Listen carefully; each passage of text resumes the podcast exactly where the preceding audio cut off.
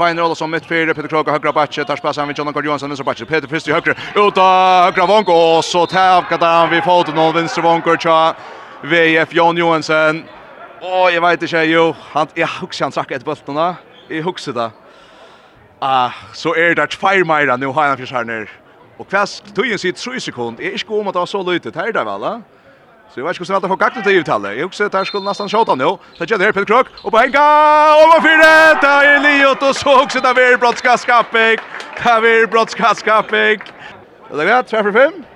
Långt lagt det. Super. Nu får han känna att spela fix om han vinner vank. Jan Juros och Sasha Lachok vid änden av Bjergjeng. Han har varit helt fram ur går idag. Vi ställer Johan Kjærstad ska få sin stora ganska. Ja, han skorar väl. Shot och lopp någon, mot och lopp någon.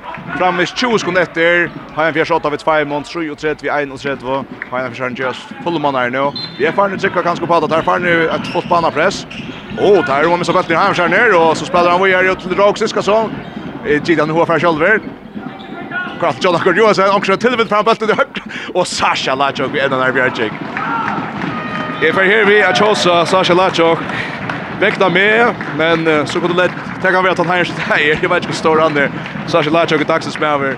Eh, Ice i till så där vi hade alltså jo, Peter Krog och Philip Joyce halt fram i urgåen, men så jag lägger Sasha här alltså vi veri at sig særlig i mån till att det är ju inte han vil plia, suttja, gjer at average avlitsen tja VF. Trujus sett vi 31 enda da til ha 41 etter langt av like tøyt her var 28-28 etter vanlig distren var av. Ha 41 vinner altså eisne største på distren om Lions-spikere Eller Jamon mannen, tar vunnen kjær kvinnen, kvinnen har vunnen mot Jesuje for i dag. Her vonnen mennene er A, V, Ui, F. Og etter er bare, det er bare et byrjinarskåd til en kappgrar som vi bare kunne vanta for å være minst lykka stuttligt som det var i fjör. Ja, og så at det blev enda et drama i mittlen VF og Heinafjørs her at i undansynningen til kappingar er Så enda det er langt der lagt til her Heina Fjerskorsene vinner vid 3 vid Nutcher VFN-jære er Ache G. Olsen. Ache, hvordan upplevde du detta?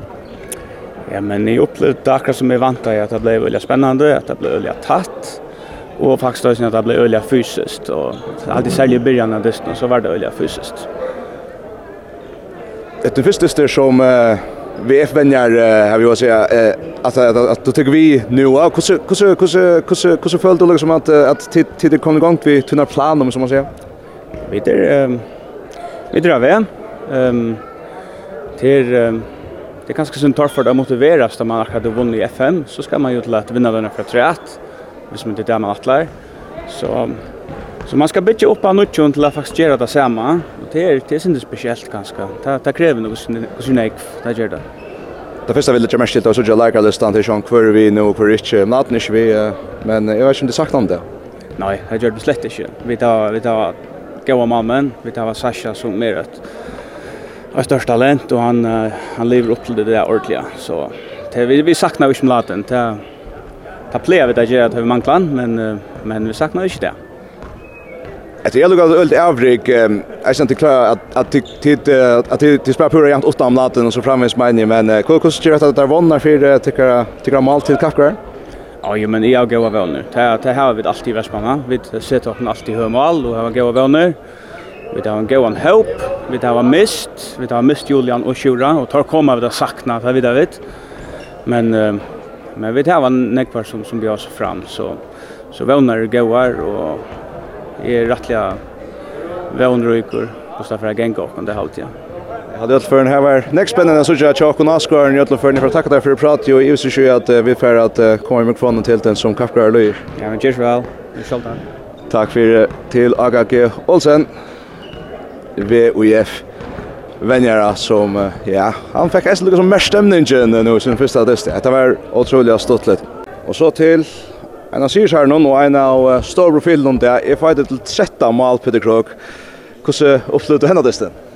Ja, men altså det, ja, jeg ved ikke, det er sådan mere eller mindre stille og rolig kamp, men vi havde sådan et mål om at gå ind til kampen om en lille revanche fra, fra sidste, sidste år, så, og den fik vi heldigvis, så det var, det var rart. Det er smart at kjenne på at det er langt like til, og så er det gata minner til senast, senast, alltså FF-finalen där. Ja, men jag syns egentligen jag jag tror att vi når ud i en forlænget, fordi at, jag syns egentligen vi har det under kontroll men vi lägger nogle små fejl sidst, og synes ikke rigtig, at vores forsvar står så godt i anden leg, så derfor kommer de med igen.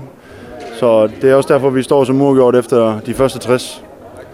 Personligt har 13 mål i dag, og om som man siger, Eit øl Rick. Hur hvordan kjennes formen til her nå til dette kaffegreier? Jamen, jeg er i god form. Jeg er jo blevet sett på slankekur, så Så nej, jeg er i god form, og det, det har også været mange timer i træningslokalet, men øh, det, det er dejligt. Ehm Kusa kusa nek hugsa man om sjó kusa nek mal to kom patu. Eg se at sjá kaska ta to Philip Sanderberg og skjóta mot grunn. Kvar for ein skjóta så hin hava skjóta hugsa man nek um eller det er som hugsa det?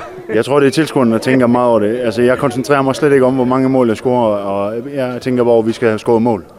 Det er egentlig det vigtigste for mig. De vinner til steg i atter, til at det gjørst og så det er krivlig i Janne. Hva er det så vannet for eh som de stannar nå? Ja, nu står vi over for en træningslejr i næste uge, og ja, så, så starter turneringen stille og roligt, og det skal vi egentlig bare, vi skal bygge på hver eneste gang. Fordi i oktober så står der på to spændende kampe mod Drammen også, så det er ligesom, øh, vi, vi skal være klar fra starten. Der er ikke noget med, at øh, vi, vi skal spille os i gang. Vi, vi, må, vi må være 100% fra starten. Ja, akkurat uh, tid spär jo så Europa Cup testar mot en ja, öjljon i norra drammen så eh och känner du mon och kanske i mån till i fjör att att det är långt ju till fiska nu Hesper. Nej, alltså problemet är att vi har släkt varit samlade. Vi har varit samlade i eh, vad ska vi säga en en uge eh och fordi at eftersom U19'erne de har været stad øh, så, så har vi været lidt presset og faktisk trænet med Gentle øh, og skulle holde os i gang selv. Så det, det har været lidt en mærkelig opstart.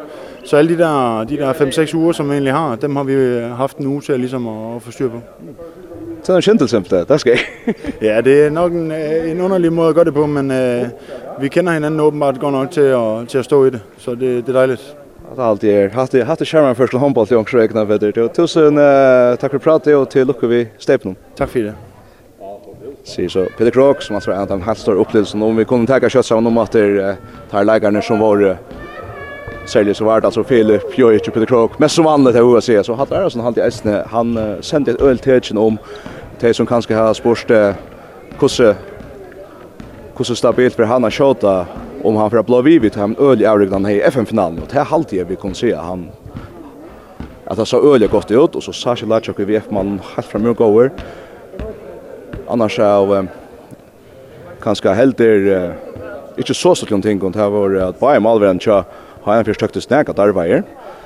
Eh, Paul Jakobsen byrja det som men får kjøtt ut, og Ardam som hei også, han fikk ikke alle runde, så hvorfor at der tog om malveren ut i untastøv, så måtte Paul Jakobsen komme inn at men også helst han fikk noen bjergjik her, munt i ena for særlig støv at bare trilla i mal korsene. Um, så han um, kom det er så lykke endetek at her var en støv her, Paul Mittun og Och Magnus Müller stötte samman och bara måste sämmas efter att här bara sin kurs i Sarri. I anledning att under högna och man för eja och väst. Så var ni timing kommer alltid bäst och som skiljer så är det alltid i ordan chat hem men här så en tvär öliga stora profiler som så inte var vi här i det efter när vi var komna in i förra halvlek.